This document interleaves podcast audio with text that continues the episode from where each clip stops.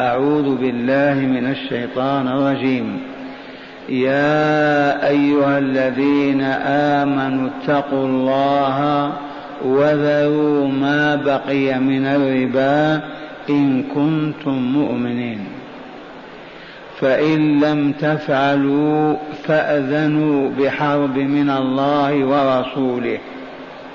وإن تبتم فلكم رؤوس أموالكم لا تظلمون ولا تظلمون. وإن كان ذو عسرة فنظرة إلى ميسرة. وأن تصدقوا خير لكم إن كنتم تعلمون. واتقوا يوما ترجعون فيه إلى الله.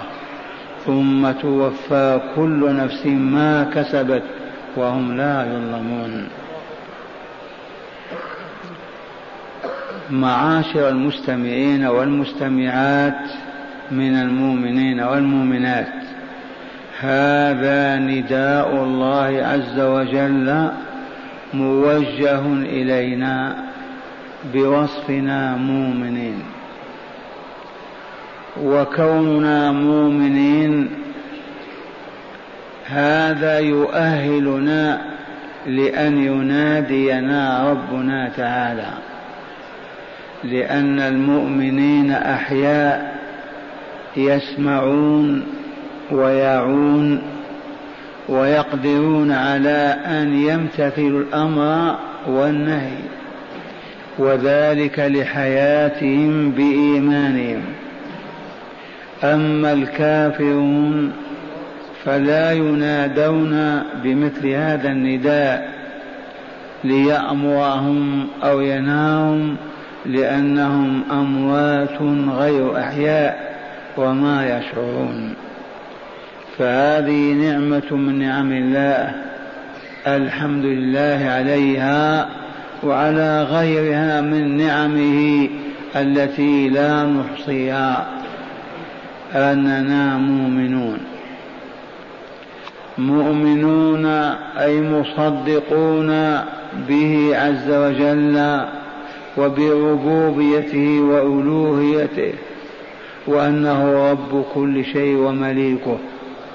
مؤمنون بكتابه الذي نتلو آية ونتدارسها ونعلم مراده تعالى منها. رجاء أن نمتثل الأمر ونجتنب النهي لنكمل ونسعد. آمنا برسوله وبكافة رسله آمنا بلقائه والوقوف بين يديه للاستنطاق والاستجواب ثم الجزاء إما بالنعيم المقيم وإما بالعذاب الأليم.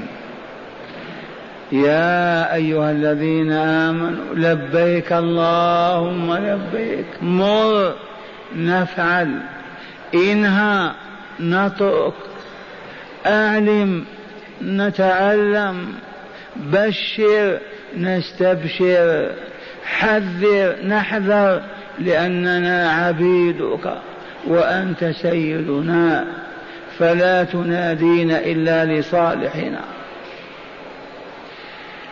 وبالتتبع والاستقراء لآي كتاب الله وجدنا في القرآن الكريم تسعين نداء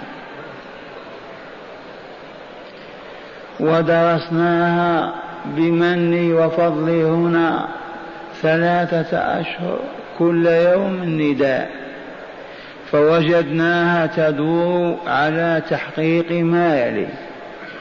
اولا على أمره لنا باعتقاد بفعل بقول ما من شأنه إعدادنا للسعادة والكمال. أو ينهانا عما من شانه أن يخسرنا ويضيعنا ويكسبنا الشقاء والخسران. أو ينادينا ليبشرنا لتنشرح صدورنا وتطمئن نفوسنا ونقبل في سرعة على الصالحات وتنافس في الخيرات.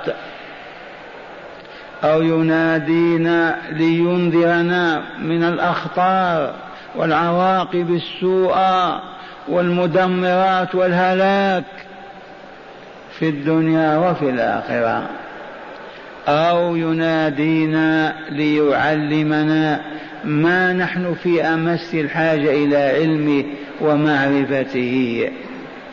هذه النداءات الإلهية التسعون نداء. وقد يسر الله طبعها مرات ووزعت. والله أسأل أن يحيي بها موات قلوب إخواننا. أيناديك ربك ولا تصغي ولا تسمع؟ لو يناديك أبوك أو ابنك ما تسمع له كيف يناديك خالقك مالكك سيدك؟ من بيده حياتك وموتك؟ من إليه مصيرك؟ وأنت تعلم لا يناديك لله ولا للباطل ولا لإضاعة الوقت ولا لإرهاقك وإشقائك. والله ما ينادينا إلا ليكملنا ويسعدنا. اذا هيا ندرس هذه الآيات وهي مختومة بآخر آية نزلت من السماء. آخر آية نزلت من الله عز وجل هذه الآية واتقوا يوما ترجعون فيه إلى الله. ثم توفى كل نفس بما كسبت وهم لا يظلمون. أول آية نزلت اقرأ باسم ربك. وآخر آية نزلت من ستة آلاف. ومائتين وأربعين آية. هذه الآية واتقوا يوما ترجعون فيه إلى الله ثم توفى كل نفس بما كسبت ما كسبت وهم لا يظلمون. يا أيها الذين آمنوا نادانا ليأمرنا بتقواه إذ قال اتقوا الله. كيف نتقيك يا رب؟ وبماذا نتقيك؟ لو أن مؤمنا سمع هذا أو ما يعرف رب كيف أتقيك؟ وبماذا أتقيك؟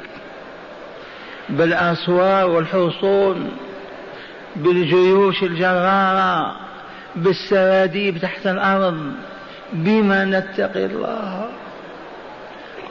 ونحن بين يديه وفي قبضته بما نتقيه. فيقول لنا العالمون اتقوا فقط بالإيمان به وطاعته وطاعة رسوله. وأنتم مؤمنون اتقوا فقط بطاعته وطاعة رسوله. لا يتقى الله بشيء سوى هذا. لا تعصيه لا تخرج عن طاعته فأنت آمن. لا تخف. إذ لا يغضب ولا يسخط إلا على من عصاه. وتمرد عنه وخرج عن طاعته وفسق عن أمره. وهو عبده مملوك له يغذيه يسقيه يكسوه يحفظه من شياطين الجن لو تركه لاختطفوه. ثم لا يسمع لنداه ولا يمتثل أمره ولا يجتنب ناهيه ما لهذا المخلوق؟ ما لهذا الإنسان؟ إذا عرفنا بما نتقي ربنا أي بما نتقي عذابه بلاء سخط غضبه ناره وجحيمه. نتقي بماذا؟ بطاعته وطاعة رسوله. لا تستمر على المعصية لا تداومها. وإن زلت قدمك وسقطت فافزع إليه طالبا العفو والصفح وهو كريم حليم. يكفيك أن ترفع صوتك غفرانك ربي وإليك المصير. أستغفر الله أستغفر الله أستغفر الله. وأنت تبكي يعفو يصفح يتجاوز يغفر. لأنه حليم عظيم. أما أن تستديم معصيته غير مبال بقدرته عليك ولا بنعمه التي أغدقها عليك تكفرها وتجحدها وتواصل التمرد عليه. يقول قف تمشي يقول نم تستيقظ يقول كل لا تأكل. أين يذهب بك يا عبد الله؟ تريد أن تتمزق؟ وتتلاشى. وذلكم هو الخسران المبين. قل إن الخاسرين الذين خسروا أنفسهم وأهليهم يوم القيامة. ألا ذلك هو الخسران المبين. إن أحدهم يلقى في عالم. ما نقول في هذا العالم؟ لا يلتقي بأب ولا أم ولا أخ ولا صديق ولا قريب ولا بعيد مليارات السنين. وأفظع من هذا أن الرجل الكافر قد يوضع في تابوت صندوق من حديد ويغلق عليه ويرمى في ذلك العالم فلا يأكل ولا يشرب ولا يتكلم ولا يبصر ولا ولا ولا وهو في الجحيم مليارات السنين. إذ الحياة غير قابلة للفناء. الحياة الدنيا قابلة بحسب سنة الله فيها قابلة للفناء لا يبقى شيء إلا ويتلاشى ويتمزق وها أنت تشاهد طفلك يحتلم يشب يكهل يكبر يتمزق. وأما الحياة الآخرة الذي أوجد هذه أوجد الأخرى غير قابلة للفناء. فأهل دار السلام لا يكبرون لا يهرمون لا يمرضون لا يشيخون لا يموتون لا ينامون. غير قابلة لهذه الظواهر في حياة الدنيا الزائلة الفانية.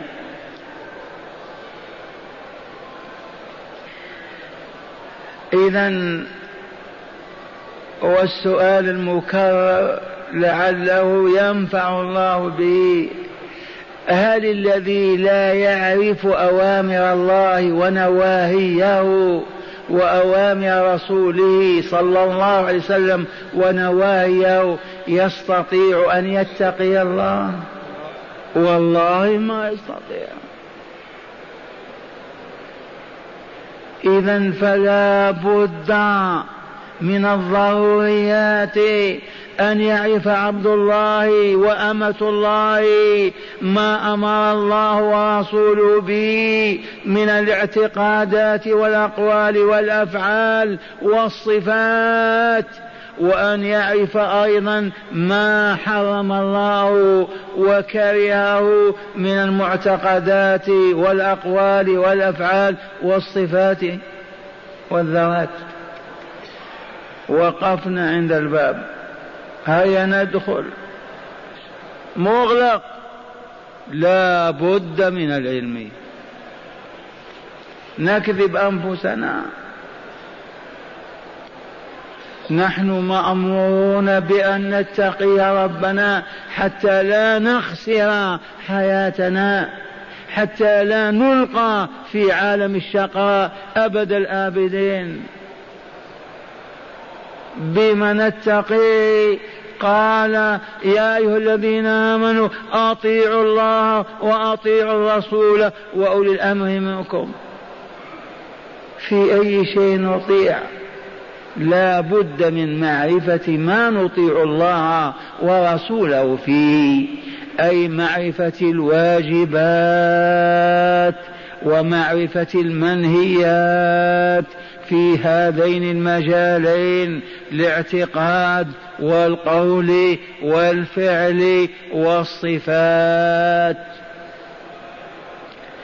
وإذا ما وجدنا من يعلمنا نذهب نشرق ونغرب نسأل من هو الذي يعرف محاب الله ومكاره قالوا إن رجلا يقال له فلان يوجد في جبال تبت. من القارة الهندية. هذا الذي يعرف ما يحب الله وما يكره. والله لو آمنا حق الإيمان لمشينا. حتى نجلس بين يديه ويعلمنا ما يحب ربنا لنأتيه وليعلمنا ما يكره ربنا لنذره ونتركه.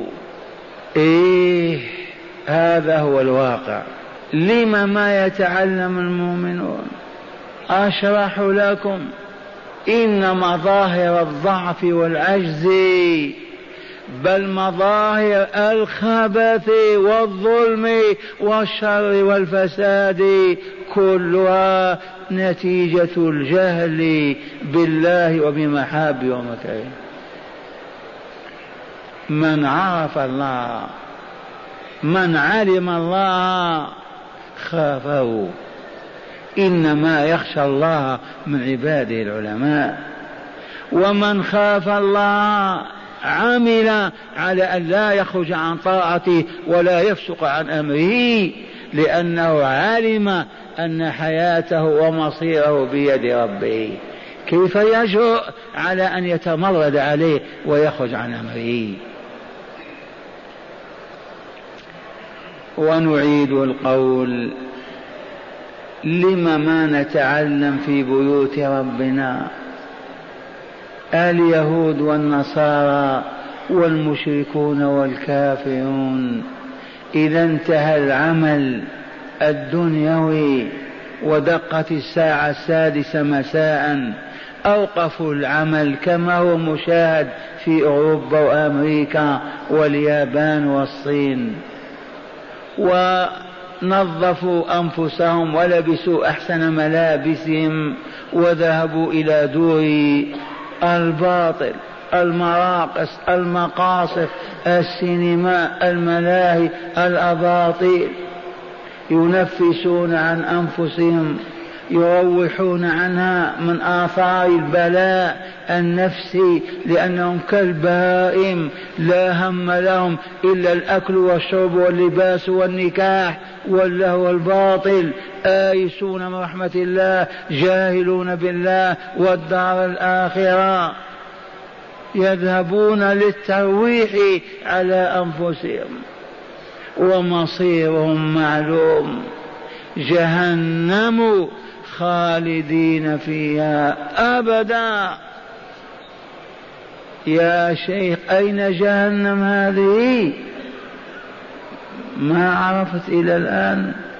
غدا إن شاء الله الساعة الثانية عشرة. أرفع رأسك لأختي يوشع. الشمس وانظر إليها. هذه الشمس أكبر من الأرض هذه. بمليون ونصف مليون مرة وكلها لهب وسعير وجهنم. ولا شجر فيها ولا حطب. نار ملتهبة. لو اجتمعت البشرية كل خمسين مرة ما تسد زاوية من زوايا الشمس. وتسألني عن النار. إذا كشطت هذه السماوات وأبعدت ثم العالم الآخر الذي لا نهاية له. وإن ارتبت أغمض عينيك وضع رأسك بين ركبتيك وفكر أنت هابط أنت هابط أنت إلى أين تنتهي؟ دلني. يحيى ذهنك الله إذا قولوا آمنا بالله آمنا بالله آمنا بالله. لما ونحن الربانيون أولياء الله أهل الطريق والصراط المستقيم. إذا مالت الشمس إلى الغروب ودقت الساعة لما ما نتوضأ في بيوتنا ونلبس أحسن ثيابنا وناتي بنسائنا وأطفالنا إلى بيوت ربنا. الساعة والساعتين نتلقى الكتاب والحكمة. نزكي أنفسنا بهذه الأنوار الإلهية. فنعود شباعا إلى بيوتنا. لا رغبة لنا في وافر الطعام والشراب ولا هم لنا إلا أن يرضى ربنا عنا. لم ما عملنا هذا؟ أهل القرية في الجبل في السهل في الوادي حيثما كانوا أليسوا مؤمنين؟ ويزعمون أنهم المسلمون. لما يعيشون على الجهل فيستبيحون الغش والخداع والغيبة والنميمة والشح والبخل والسب والشتم وهو أمراض لا يرضاها الله لأوليائه. لأنهم ما عرفوا. والله ما علموا. ما طلبوا العلم حتى يعلموا ما صدقوا حتى يصدقوا. هذه حال أمتنا وقد شاهدنا ما فعل الله بنا. فالشرق والغرب وما زلنا ما أفقنا ما زالت السكرة هي هي. الجهل مطبق وآثار الجهل مشاهدة. كل ظلم كل خبث كل شر كل فساد مرده إلى الجهل. بماذا؟ بالله وبمحابه ومصارفه. كيف نتقيك يا ربنا؟ ونحن لا نعرف الكلمة التي إذا قلناها تفرح وتضحك وإذا قلناها تسخط ولا ترضى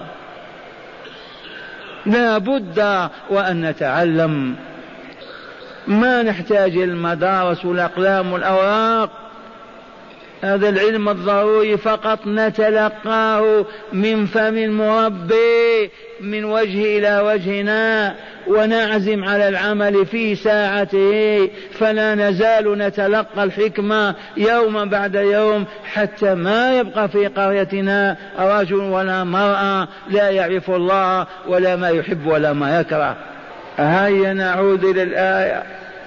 يا أيها الذين آمنوا اتقوا الله. هذا أولا. وثانيا وقد بين لنا بالأمس إذ قال موعدا الذين يأكلون الربا لا يقومون إلا كما يقوم الذي يتخبطه الشيطان من المس.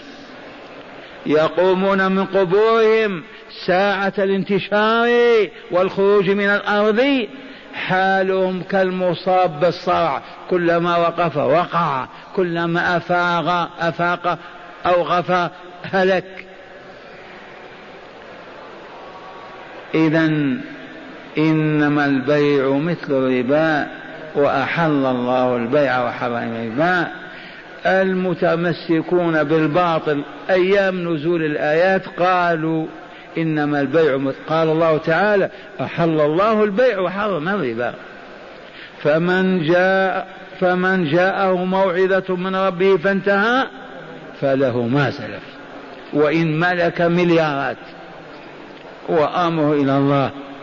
ومن عاد بعد التوبة فأولئك أصحاب النار هم فيها خالدون. يمحق الله الربا ويربي الصدقات والله لا يحب كل كفار أثيم إن الذين آمنوا وعملوا الصالحات وأقاموا الصلاة وآتوا الزكاة لهم أجرهم عند ربهم ولا خوف عليهم ولا هم يحزنون. بعد هذه البيانات الإلهية نادانا مرة أخيرة. ماذا قال؟ يا من علمتم وآمنتم يا أيها الذين آمنوا اتقوا الله وذروا اتركوا ما بقي من الربا. من بقي له شيء يتركه إن كنتم مؤمنين. أما غير المؤمن ليس هذا من شأن ما يقدر.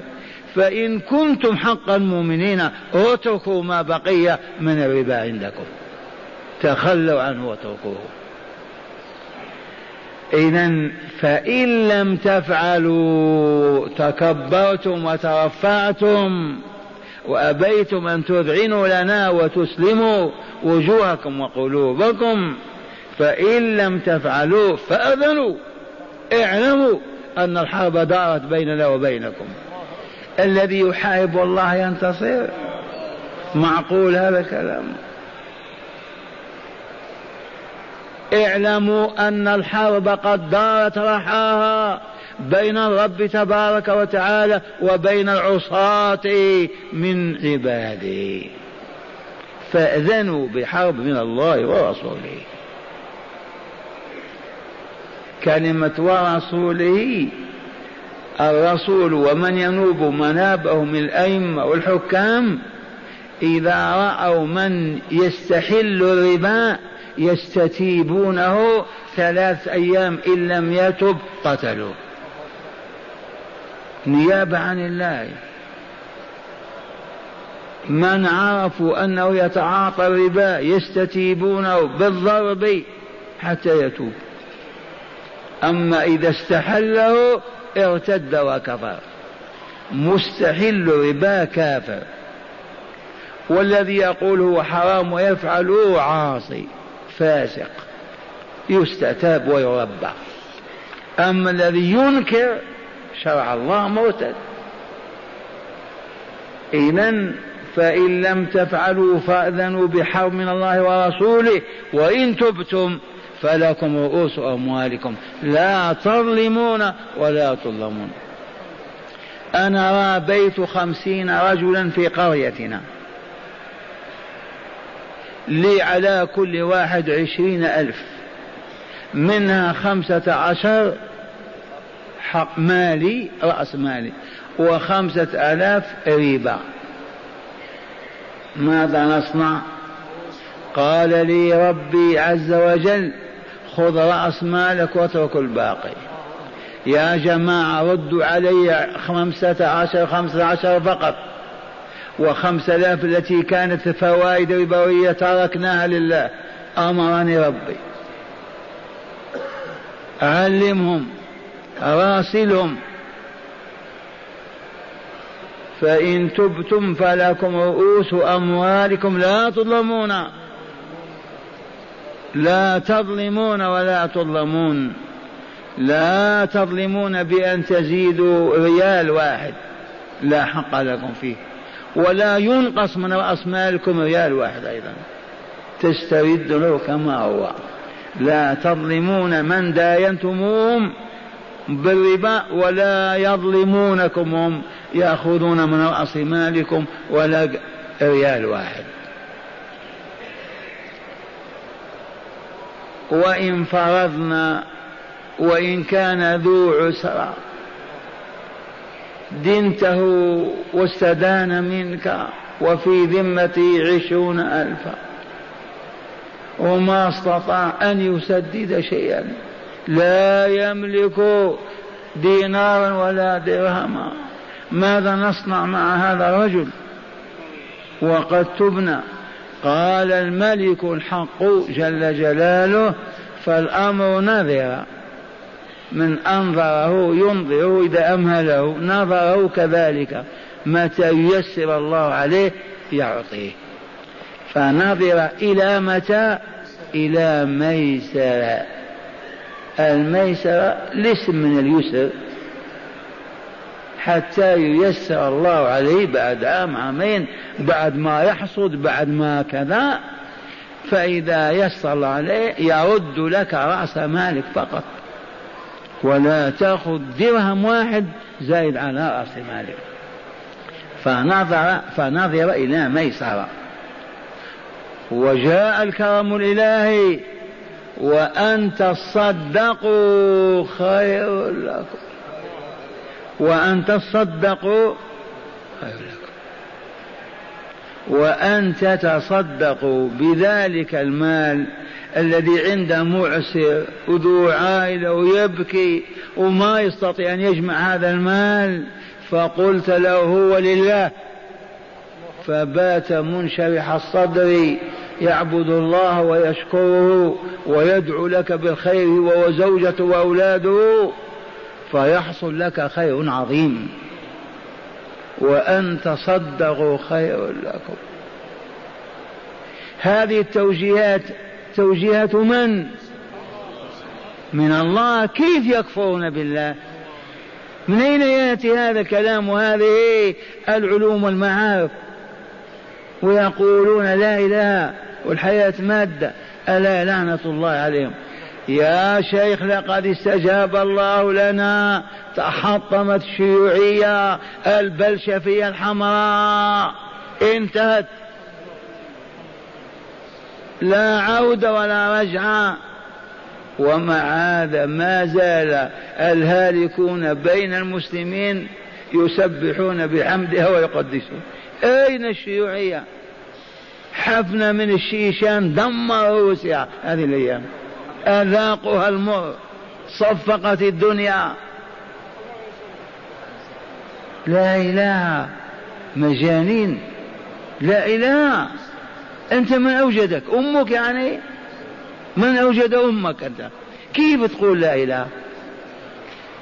مجنون الذي يقف بيننا نقول أنت مخلوق وإلا لا. فإن قال أنا غير مخلوق أخرجوه مجنون هذا.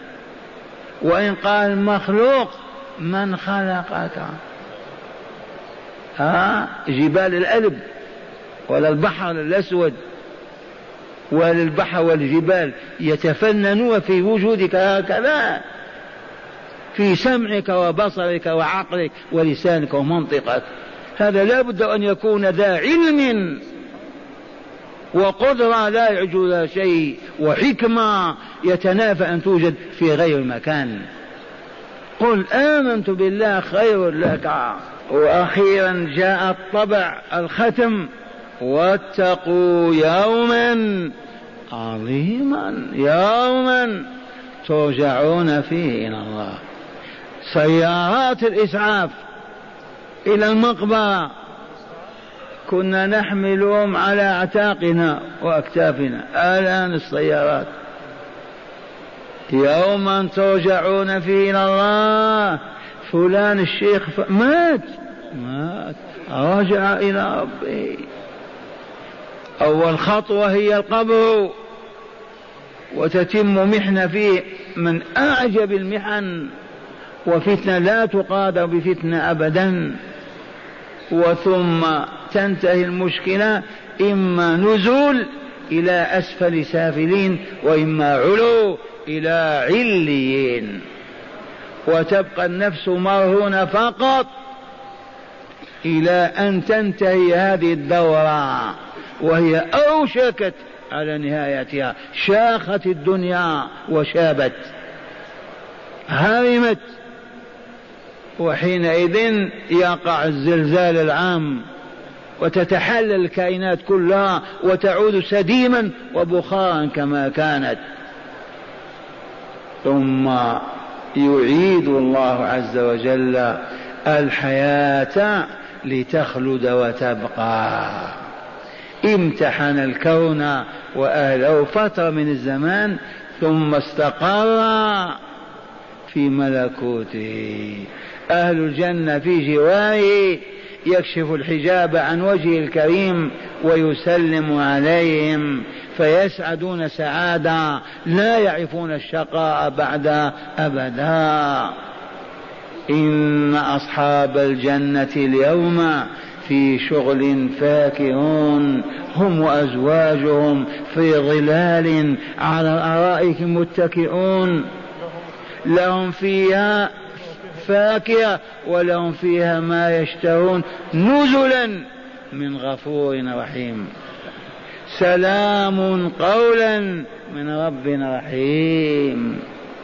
نعيد هذا البيان. اسمع من سورة ياسين الذي تقرأون على الموتى. وتحرمون الأحياء منها.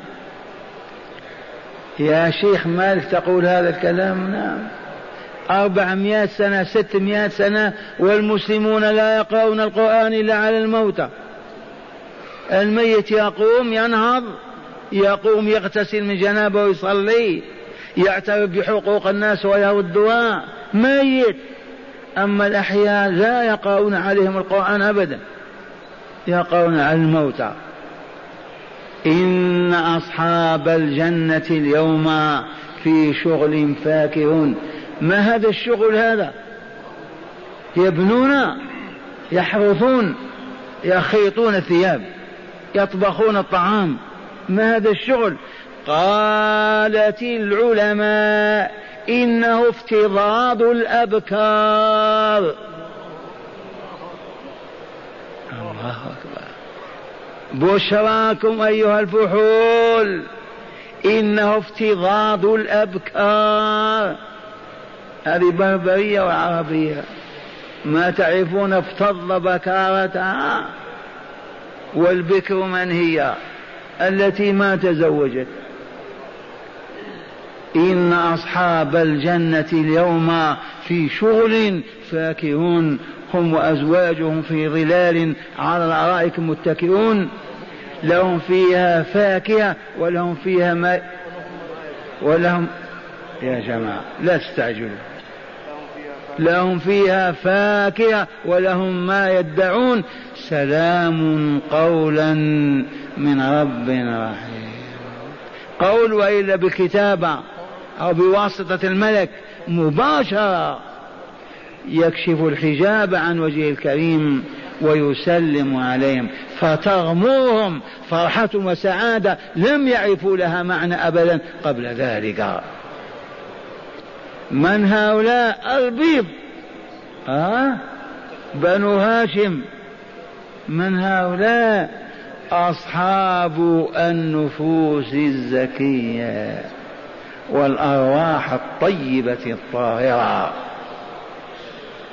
والله العظيم لهؤلاء هم أهل هذا النعيم. لأن الله عز وجل وليسمحنا أن نتكلم عنه ونحن أحقر ما نكون كالذباب ولكن كيف نتفاهم؟ أصدر حكمه وأعلمنا أنه إذا أصدر حكما لا يعقب على حكمه ولا استثناء ولا مراجعة ولا تمييز أبدا لعظيم علمه وحكمته وإرادته. اسمع هذا الحكم الصادر عليك وأنت غافل. يقول تعالى بعد أيمان مغلظة والشمس وضحاها والقمر إذا تلاها والنهار إذا جلاها والليل إذا يغشاها والسماء وما بناها والأرض وما طحاها ونفس وما سواها فألهمها فجورها تقواها كم يمين هذه؟ من أجل هذا الحكم الصادر على البشرية العمياء التاهية في متاهات الحياة. قد أفلح من زكاها وقد خاب من دساها. من يعاقب على الله؟ قد أفلح من زكى نفسه وقد خاب من دسى نفسه. أفلح بماذا؟ في تجارته. في مصنعه الجديد. الفلاح حقيقته أن تبعد عن عالم الشقاء هكذا وتدخل دار السلام والنعيم المقيم أبدا. وبينه تعالى بنفسه ما تركه للناس إذ قال وقوله الحق من سورة آل عمران كل نفس ذائقة الموت وإنما توفون أجوركم يوم القيامة فمن زحزح عن النار وأدخل الجنة فقد فاز. يا شيخ ما هي المواد التي نزكي بها أنفسنا؟ يرحمك الله. الصابون. طايد. سموه طايد ولا إيش؟ العطور الكولونيا هذه تزكي النفس هذه؟ الأغاني أصوات العواهر والماجنين تزكي النفس هذه؟ بما نزكي أنفسنا. دلونا يرحمكم الله. ما هي المواد التي تزكي النفس؟ الجواب النفس تزكى بما وضع لها من أقوال وأعمال. واعتقادات. هذا الذي قلنا به يتقى الله. كلمة لا إله إلا الله هذه أكثر من طن من الصابون لتغسل بها جسمك. إذا قلتها مؤمنا موقنا. تحولها إلى كتلة من النور. سبحان الله والحمد لله ولا إله إلا الله والله أكبر. تحولها إلى أطيب من الطيب واطهر من الطهر. كما أن كلمة الكفر تحيلها إلى مزبلة منتنه لا تشم روائحها العليم الحكيم. ما شرعه من العبادات بالأقوال والأفعال شرعت لتزكية النفس وتطهيرها. وما حرمه من ذلك لأنه يدسي النفس ويخبثها ويعفنها. فعلى الإيمان والعمل الصالح تزكو النفس البشرية وعلى الشرك والفسق والفجور تتدسى وتخبث النفس البشرية. ذي الحقيقة. هل عرفها المسلمون؟ ما ما يسمعون بهذا الكلام ابدا.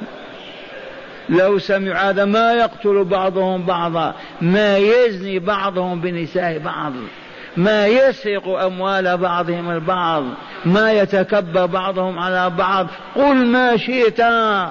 فكل الأمراض والأسقام والعلل هي ثمرة الجهل بالله وبمحابه ومساخطه وكلمة واحدة تضيع لك الطريق. إنما يخشى الله من عباده العلماء. في قريتك ذات الألف ساكن اعلم وفتش أن أعلمهم بالله أتقاهم له أقلهم جريمة وكذب وسرقة والله العظيم. هيا نتعلم إذا ما نستطيع. ما نستطيع نجمع نساءنا وأطفالنا في بيت ربنا في الحي الذي نسكن فيه أو في القرية ونتعلم الكتاب والحكمة. لما ما نستطيع؟ نعم في أوقات معينة عند إثارة الفتن الحكومات توقف هذا التيار لكن سينتهي كان منتهيا قرونا. وأبينا أن نتعلم هيا نتلو الآية مرة أخيرة. هذا البيان الإلهي يا أيها الذين آمنوا اتقوا الله وذروا ما بقي من الربا إن بقي عندكم. الحمد, الحمد لله ما عندنا. لا انغمسنا فيه ولا عندنا. لكن إن كان واحد منا وذروا ما بقي من الربا إن كنتم مؤمنين. فإن لم تفعلوا وأصررتم وتكبرتم فأذنوا بحرب من الله ورسوله. وإن تبتم فلكم رؤوس أموالكم. لا تظلمون ولا تظلمون. وإن كان ذو عسرى وجد فنظر إلى ميسرى وأن تصدقوا خير لكم إن كنتم تعلمون. وأخيرا واتقوا يوما ترجعون فيه إلى الله ثم توفى كل نفس ما كسبت وهم لا يظلمون. الطريق يا أبناء الإسلام للنجاة أن نعود إلى كتاب الله وسنة رسول الله. نتلقاها أوقات الفراغ. لا نوقف مصنع ولا مزرعة ولا متجر فقط من المغرب إلى العشاء في صدق نتعلم الكتاب والحكمة. على هذا المنظر الذي تنظرون إليه.